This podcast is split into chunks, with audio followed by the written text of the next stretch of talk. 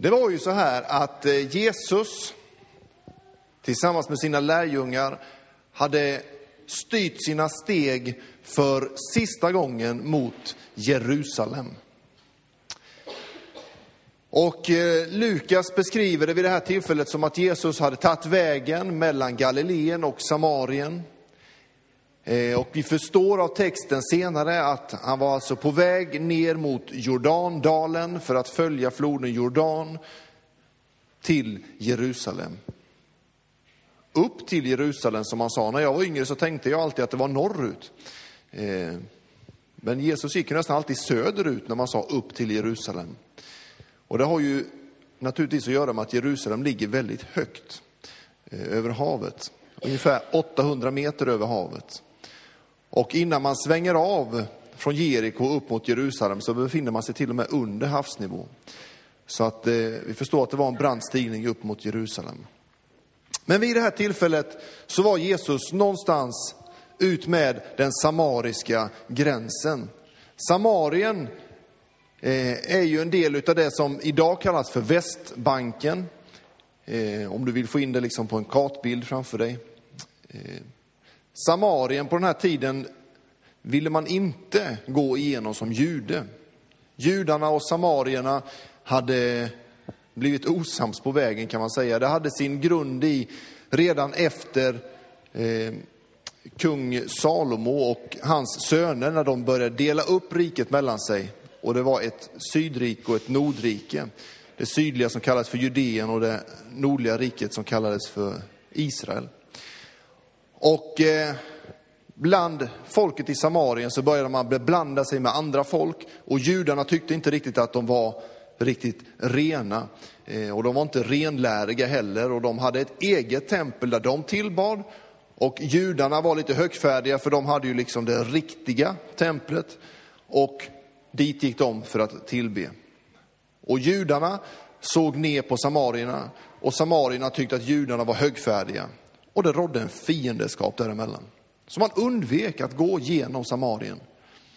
Men man kunde ju passera liksom genom gränsen, eh, ut med gränsen och så gick man där. Har du varit i Israel någon gång så är det inte alldeles otroligt att du har åkt ungefär den där vägen också.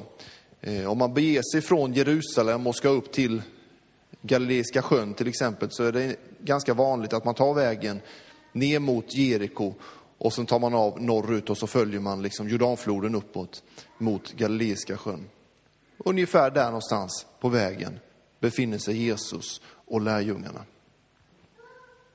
Och de närmar sig en by, vi vet inte vilken by, men en by.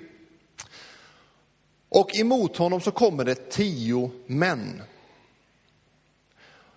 På långt håll så förstår lärjungarna och Jesus att det här är spetälska män. De har alltså fått spetälska. Fick man den sjukdomen så fick man bege sig och leva utanför stan. Och man eh, bildade små liksom som kolonier nästan, där man levde tillsammans, man tog hand om varandra. Eh, och man var tvungen till att odla liksom ut, liksom, så man såg lite ovårdad ut, så det skulle synas på håll att här är någon som är lite ovårdad och sådär. Eh, och när de kom inom hörhåll så skulle man dessutom ropa spetälsk, spetälsk, så att man skulle kunna undvika att komma för nära. Så på långt avstånd så vet Jesus och lärjungarna att här kommer det ett gäng spetälska. En utav de här är dessutom samarier. Det är nästan lite märkligt egentligen vad samarier och judar plötsligt kunde börja leva tillsammans när omständigheterna hade brutit ner deras vanliga försvar och deras vanliga murar. Och så plötsligt så lever de i ett kollektiv. Och eh, ryktet om Jesus, även där vid gränsen till Samarien, hade ju naturligtvis gått. Jesus hade ju vid tidigare tillfälle tagit vägen rakt genom Samarien och bland annat passerat staden Sykar. Det står beskrivet i Johannes 4 hur han möter en kvinna vid Sykas brunn. Och hur det sen leder till en väckelse i staden Sykar, där många människor kommer till tro på Jesus. Så ryktet om Jesus var väl spritt även i Samarien. Så när ryktet går att Jesus är på väg förbi där, så söker sig de här männen till Jesus. De ropar till Jesus, Herre förbarma dig över oss. Jesus förstår ju naturligtvis direkt att de vill ju bli helade. Så Jesus, han säger inte så här att, ja, ja, men kom hit så ska jag lägga händerna på er och så ska jag be för er. Utan han säger bara det här märkliga, gå och visa er för prästerna. Så eh, ska, eh, han säger bara, gå och visa er för prästerna.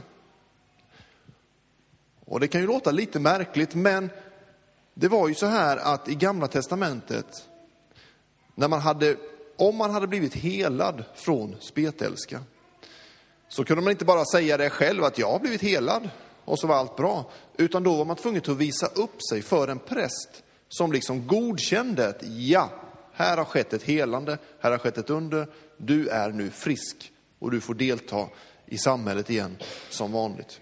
Så de förstod ju att när Jesus sa, gå och visa er för prästerna, så förstod de, yes, vi tar han på orden, vi tror på ett helande.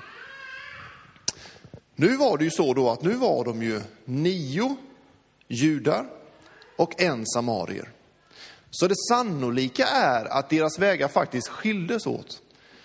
Och judarna begav sig till en judisk präst i någon synagoga någonstans i Galileen, medan samarien bege sig till sin synagoga eller till sin präst för att visa upp sig där. Och på vägen dit så upptäcker samarien, jag är ju helad. Jag är ju redan frisk. Jag har ju inte ens hunnit fram till prästen än. Så direkt bestämmer han sig för någonting. Jag måste tacka han som har helat mig. Så han beger sig tillbaka, kastar sig för Jesu fötter och tackar honom. Prisa Jesus. Och Jesus blir förundrad. Blev inte alla tio rena? Är det bara den här främlingen som kommer för att tacka och ära mig? Och ge Gud äran. Och så sa han, stig upp och gå, din tro har hjälpt dig. Kanske var det så här att de nio andra kom till prästen. Undret utgår vi ifrån hade skett. Och när de då frågar, eller när prästen frågar dem, hur gick det här till? Så berättar de glada om Jesus. Men prästen blir inte glad. För det fanns ju en avundsjuka mot Jesus. Och troligen så fick de här nio andra ingen uppmuntran att gå och tacka Jesus och ge ära till Gud.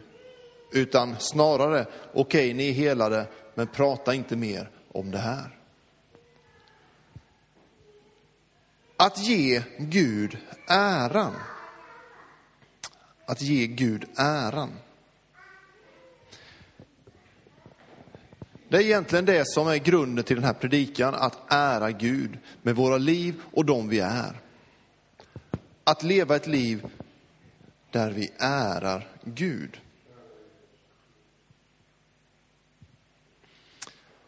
Och jag skulle vilja ge några exempel på det och sen försöka knyta ihop säcken på slutet. Att ära Gud, det är väldigt mycket. Vet, vi sjunger ju ofta det. Vi vill ge dig ära. Vi sjunger det alldeles nyss. Han är värdig all ära, all lovsång. Men vad är det liksom? Hur gör vi det praktiskt i våra liv? Att ära Gud, det är att leva i tacksamhet. Precis som den här samariske mannen som hade blivit helad, så visste han vem han skulle tacka. Och han gjorde sig besväret att söka upp Jesus igen för att tacka honom. Jesus hade inte sagt det. Ja, sen kommer ni tillbaka hit och så tackar ni mig, för annars så vet man inte hur det går.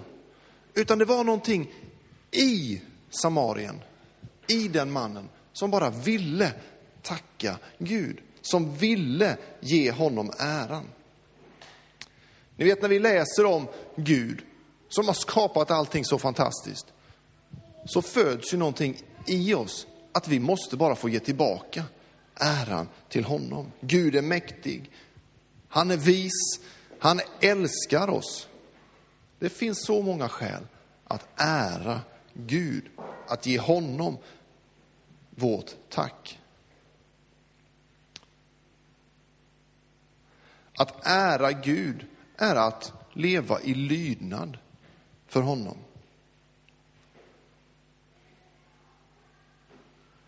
Att med glädje och förtröstan lita på att Gud vet och kan och vill mitt allra bästa. Det står så här i Saltaren 119. Jag tar inte hela kapitlet, men jag tar några verser i början. Lycklig den vars liv är fläckfritt, den som följer Herrens lag. Lycklig den som lyder hans lagbud och helhjärtat vänder sig till honom, som aldrig gör något orätt utan lever efter hans ord. Du har gett dina befallningar, de ska följas noga. Om jag bara kunde stå fast i min strävan att hålla dina stadgar, då skulle jag inte blygas. När jag betraktar alla dina bud, jag tackar dig av hjärtat när jag lär mig dina rättfärdiga lagar. Dina stadgar ska jag hålla, överge mig aldrig. Att lyda Gud villigt, det är att ära honom. Ni vet, ett barn kan man ju få till att lyda. Men det är ju inte alltid som det är så här liksom bara, ja, självklart. Utan det är ganska ofta som det är under protest. Det är inte det som är att ära Gud. Men okej då Gud, bara för att det står så, så får jag väl göra så då. Åh, det är ju så typiskt, det är så tråkigt det här, men ja, ja, ja, ja. Mm. Det är inte att ära Gud. Utan det är för att, men självklart. Jag kanske inte förstår just nu, men jag vet ju att du älskar mig. Du har gjort så mycket för mig, du har skapat mig. Det är klart jag vill lyda dig. Jona är väl kanske någonting av motsatsen till att ära Gud. När vi läser om Jona så vill han inte lyda Gud. Han vill inte göra som Gud säger. Och han tvingas till lydnad. Och när det väl har blivit så som Gud hade sagt, ja då sitter Jona och surar.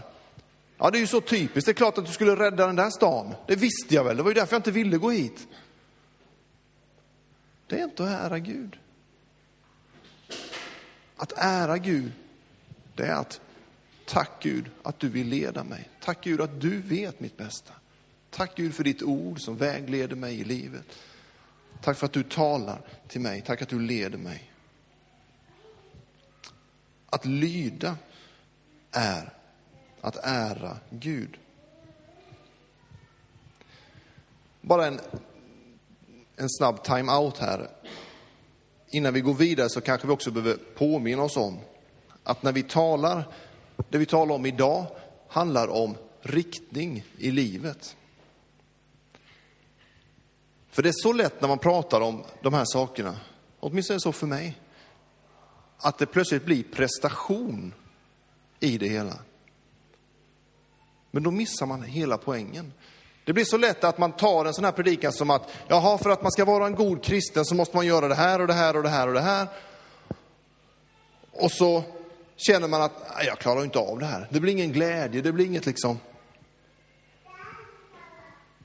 Men vi måste påminna oss om att för att vi ska kunna ha ett liv tillsammans med Gud så har han gett oss sitt allra bästa, Jesus Kristus.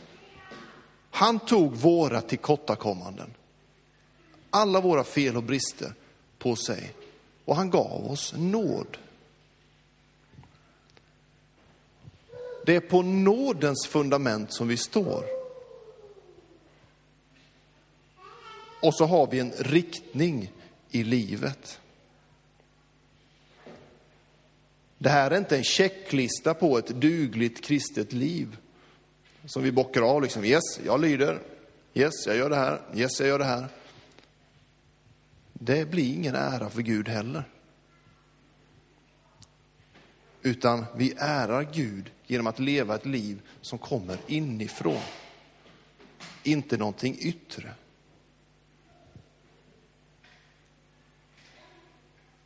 Den präst som kanske sa till de här nio andra som blev helade från spetälska att inte prata om det här mer, levde ofta ett liv som var yta och fasad, men där det inre livet inte fanns.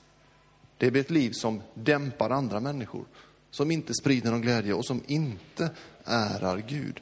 Du och jag kommer aldrig lyckas att leva perfekt.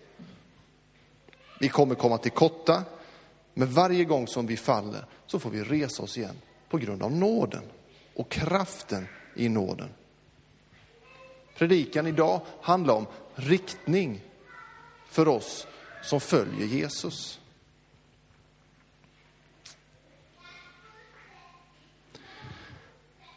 Ära Gud på söndagen. Det står så här i Jesaja 58. Jesaja 58 från den trettonde versen och den fjortonde. Om du inte kränker sabbaten, inte sköter dina sysslor på min helgdag, om du kallar sabbaten en fröjd, helgar åt Herren och värd att ära, om du ärar den och inte utför det du brukar, inte ägnar dig åt dina sysslor och tomt prat, då ska du få fröjdas över Herren. Jag ska föra dig fram över landets höjder och låta dig leva av din fader Jakobs egendom. Herren har talat. Och då kanske vi bara kort får tillägga att sabbaten är ju liksom judarnas vilodag. Den eh, träder i kraft från ungefär klockan sex, eller när solen har gått ner på fredagen, fram till klockan sex på lördagen. Som kristna så har vi ju liksom praktiserat söndagen som vår sabbat, som vår vilodag. För att den dagen fira Jesu uppståndelse. Han uppstod ju på en söndag. Det står inte i Nya Testamentet att ni ska hålla sabbat på söndagar.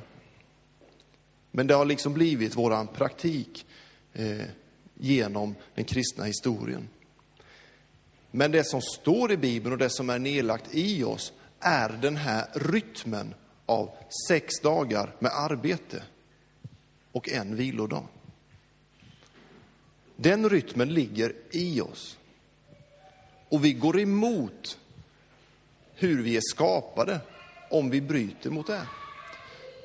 Så därför så är jag övertygad om att en dag i veckan, och jag är ju övertygad om att det är mest praktiskt att det får vara söndagen. Att det är våran vilodag. Och att det är våran gudstjänstdag. Att vi då möts, kommer samman, fira Jesu uppståndelse. Och att vi kommer samman och ärar Gud. Jag vet inte om ni kommer ihåg, det är inte så hemskt länge sedan som Ove Lindeskär var här, det är ju bara ett par veckor sedan. Men han sa att vi hade egentligen två uppgifter som kristna. Och det ena det är att ära, lovprisa, lovsjunga, upphöja vår Gud. Och i mångt och mycket så är det ju det vi gör när vi kommer samman. Det är ju den stora vitsen att vi kommer samman, att tillsammans få upphöja vår Gud. Och det andra var ju att vi skulle ut och vinna världen, vinna människor, som han sa. Men gudstjänsten handlar väldigt mycket om att vi kommer tillsammans inför Gud och ärar honom.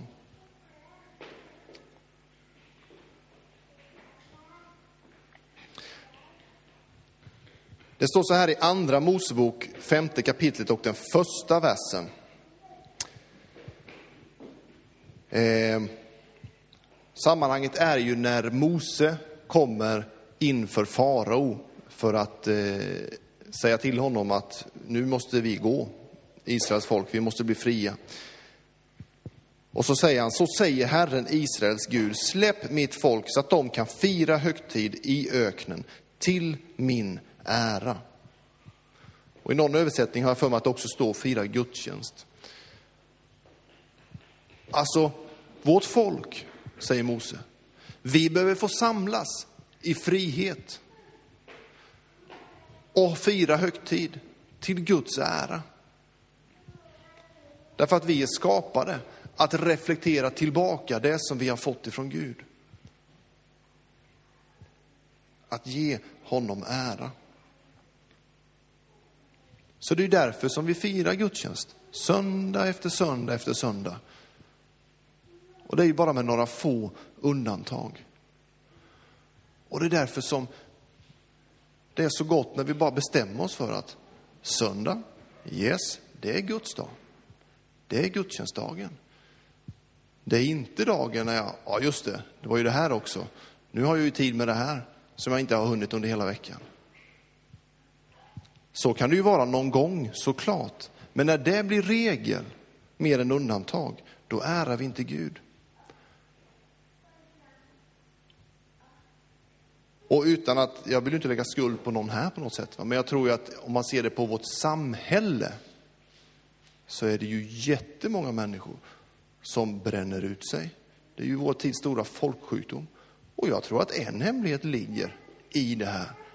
Att man bryter mot rytmen som vi är skapade i. Vi behöver en dag med vila. Där vi lägger våra sysslor, som ordet uttryckte det, åt sidan och ägnar oss åt Gud, åt familjen och tar det liksom lite lugnt. Slarva inte med det, utan ära Gud på söndagen.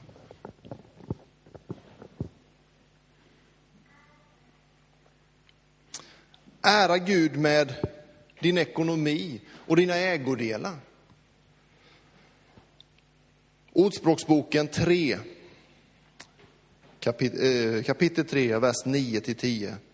Ära Herren med allt du äger och med det första av din skörd då ska dina lador fyllas av säd och presskaren flöda av vin. Ära Herren med allt du äger och med det första av din skörd. För det första, dina ägodelar. Du vet, det är så lätt att vi tänker, det här har jag slitit ihop till, det här är mitt och det ska minsann ingen annan få slita på mina grejer.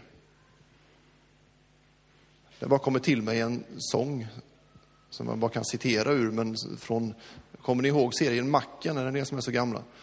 Och så kommer in en man som säger att när jag kör till mitt jobb så är det en och en halv mil. Då vill jag inte ha med mig någon mer i min bil. Någon som sliter på mitt säte utav skinn och allt vad det är. Liksom. Det är ju min bil. Men ni vet, det är så lätt att vi tänker så. Att vi blir liksom, nej men inte kan jag väl låna ut mina grejer. Det är ju mitt.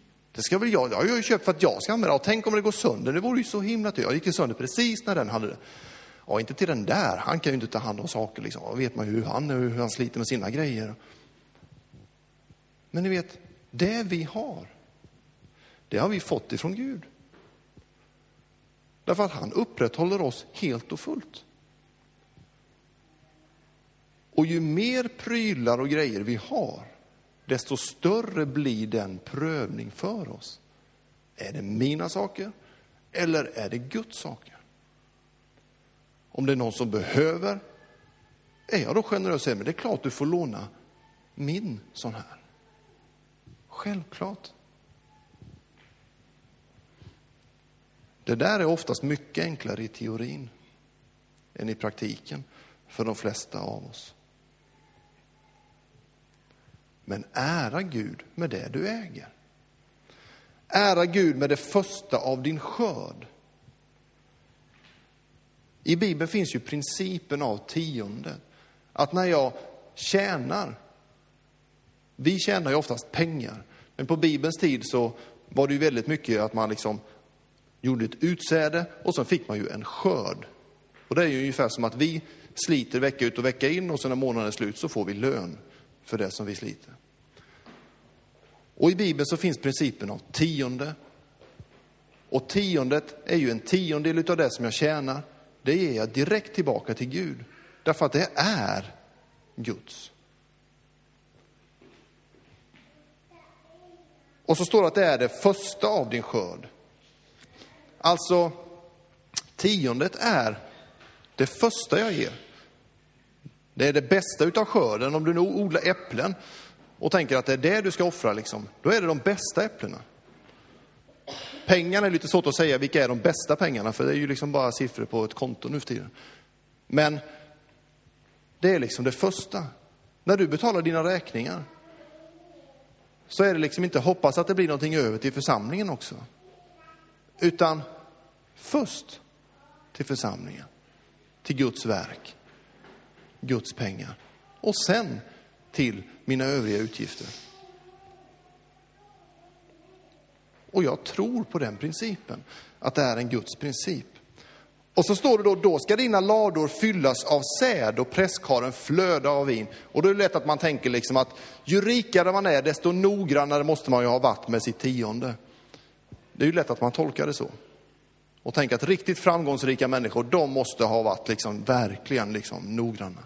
Jag tror inte att det är så som Bibeln menar. Utan jag tror att det är att när vi sätter Gud först i våra liv, då kommer vi ha det vi behöver. I Matteus 6 och 33 så står det, sök först Guds rike och hans rättfärdighet. Så ska ni få allt det andra också. Och jag tror att det är precis det som även tiondegivandet handlar om. Att jag sätter Gud först. Och jag visar det väldigt praktiskt. Jag ärar Gud med min, min skörd. Eller som vi skulle uttrycka det idag, med vår inkomst. Ära Gud med dina gåvor. Bibeln talar ju om att Gud lägger ner gåvor i våra liv. I Romarbrevet 12 och första Korinthierbrevet 12 står beskrivet om ett antal gåvor. Det finns även gåvor på andra ställen och det finns olika tjänstegåvor som Gud lägger ner i oss, planterar i oss. Det finns gåvor som vi är födda med, naturliga talanger. Och det finns gåvor som Gud ger oss vid en given punkt, eller som jag plötsligt kan, för Gud har gett mig det, jag kunde det inte innan. Gåvor. Det är ju massa predikningar om gåvor och liksom bara så. Men ära Gud med det som du kan. Använd det inte för din egen vinning. Du har inte fått gåvorna för att du ska liksom bara fylla dina egna lador, så att säga. Utan du har fått det för att du ska leva ett generöst och utgivande liv för andra. I Matteus 25 så står det liknelsen om talenterna. Det var en som fick fem talenter, en som fick två talenter och en som fick en talent. Och sen skulle han åka iväg, den här som hade gett dem, och så sa han, gör nu det bästa utav det här. Och när han kom tillbaka så, han som fick fem, han hade liksom investerat och ordnat så han hade fått fem till. Perfekt. Den som hade två, han hade investerat och grejat så det hade blivit två till. Jättebra. Men den som bara fick en, på något sätt så tyckte han att nej, det här är ju inte lönt. Det är lika bra att jag gräver ner det någonstans. Så att jag, han åtminstone får tillbaka liksom det som, som han gav mig att förvalta. Men han får en hård dom. För ni vet, det som Gud lägger ner i oss är till för att vi ska använda.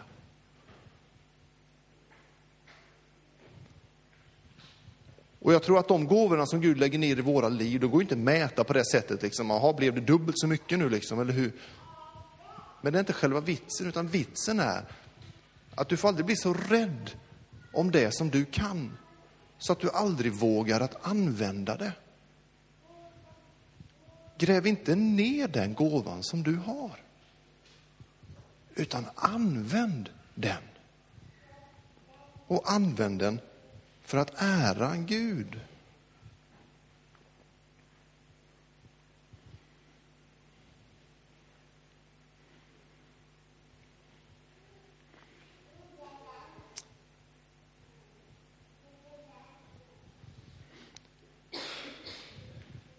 Vi sjöng ju innan, jag vill göra mitt liv till en lovsång till dig. Där var ton skall en hyllning till dig bära. Och i dagar av glädje och dagar av sorg vill jag leva var dag till din ära.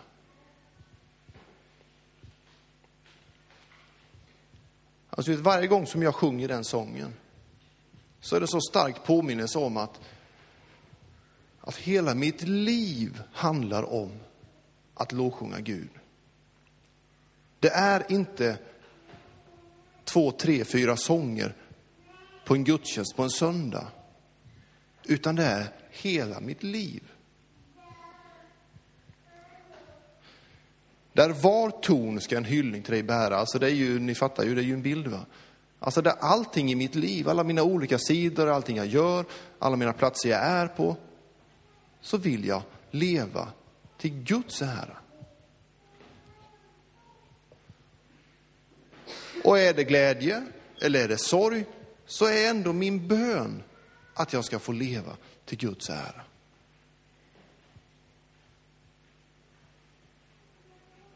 Ni vet, det är inte en checklista, det går inte att bocka av, utan det är en riktning, en inställning i mitt liv.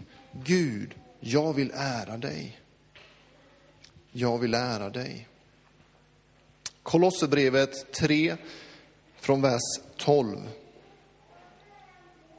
Som Guds utvalda, heliga och älskade ska ni alltså klä er i innerlig medkänsla, vänlighet, ödmjukhet, mildhet och tålamod ha fördrag med varandra och var överseende om ni har något att förebrå någon.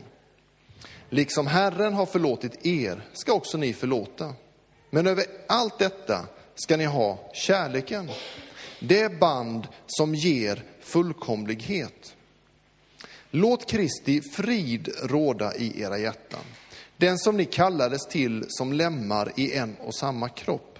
Visa tacksamhet. Låt Kristi ord bo hos er i hela sin rikedom och med all sin vishet. Lär och vägled varandra med salmer, hymner och andlig sång i kraft av nåden. Och sjung Guds lov i era hjärtan. Låt allt vad ni gör i ord eller handling ske i Herren Jesu namn. Och tacka Gud Fadern genom honom. Alltså låt allt vad ni gör i ord eller handling ske i Herren Jesu namn.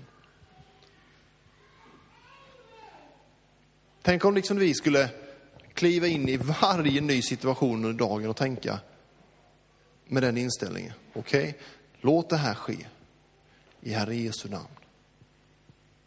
Tror vi att det påverkar hur vi beter oss? Tror du att det påverkar när någon säger så här, när någon ställer frågan till dig, okej, okay, vill du ha det här med eller utan kvitto?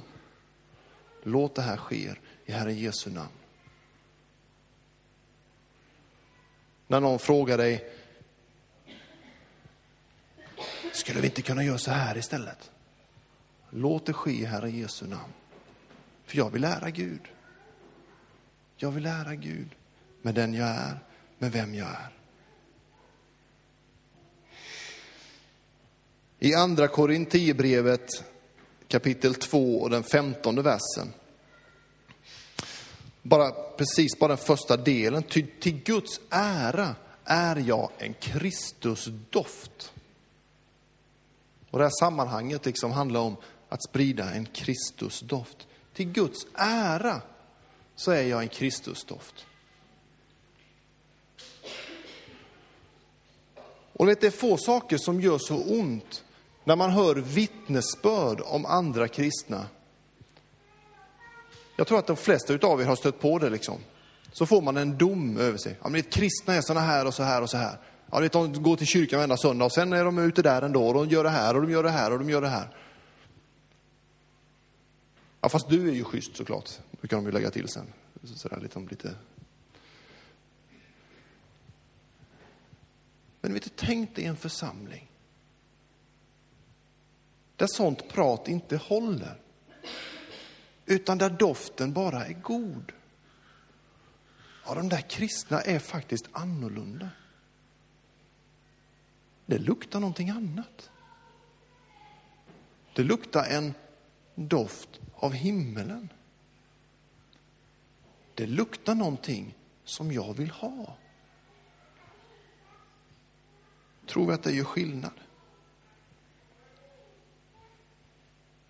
Tror du att det spelar någon roll hur jag lever? Jag tror att om vi lever vårt Gud, vårt liv för att ära Gud, så tror jag att det har en stor betydelse på vilken doft vi sprider runt oss. Jag tror att varenda dag så behöver vi, precis som den här utstötte eh, samarien, vända tillbaka till Jesus och kasta oss för hans fötter och ge honom ära. När vi stiger upp på morgonen, Jesus, det är till din ära. När vi går och lägger oss så tackar vi Gud, tack för det här och det här. Ja, det där blir ju väldigt bra, det här blev inte så bra, det skulle bli bättre imorgon. Men Jesus, du är värd all ära.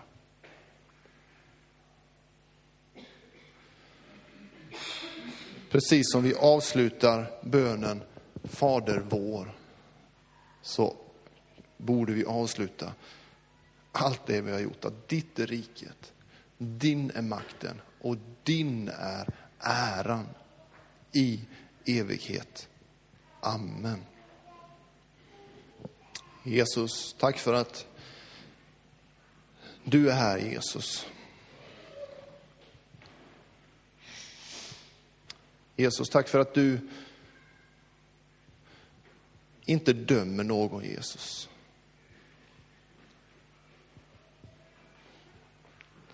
Tack att du inte hade en hård dom över de nio som inte vände om och tackade här, utan tack för att du lyfte upp han som ville komma och ära Gud, Jesus. Och Jesus, vi ber att han skulle få bli ett exempel för oss i vårt liv, i vår inställning, i vilka vi är. Jesus, hjälp oss att leva till din ära.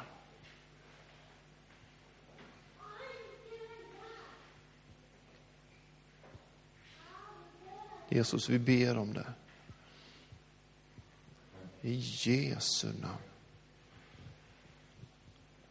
Amen.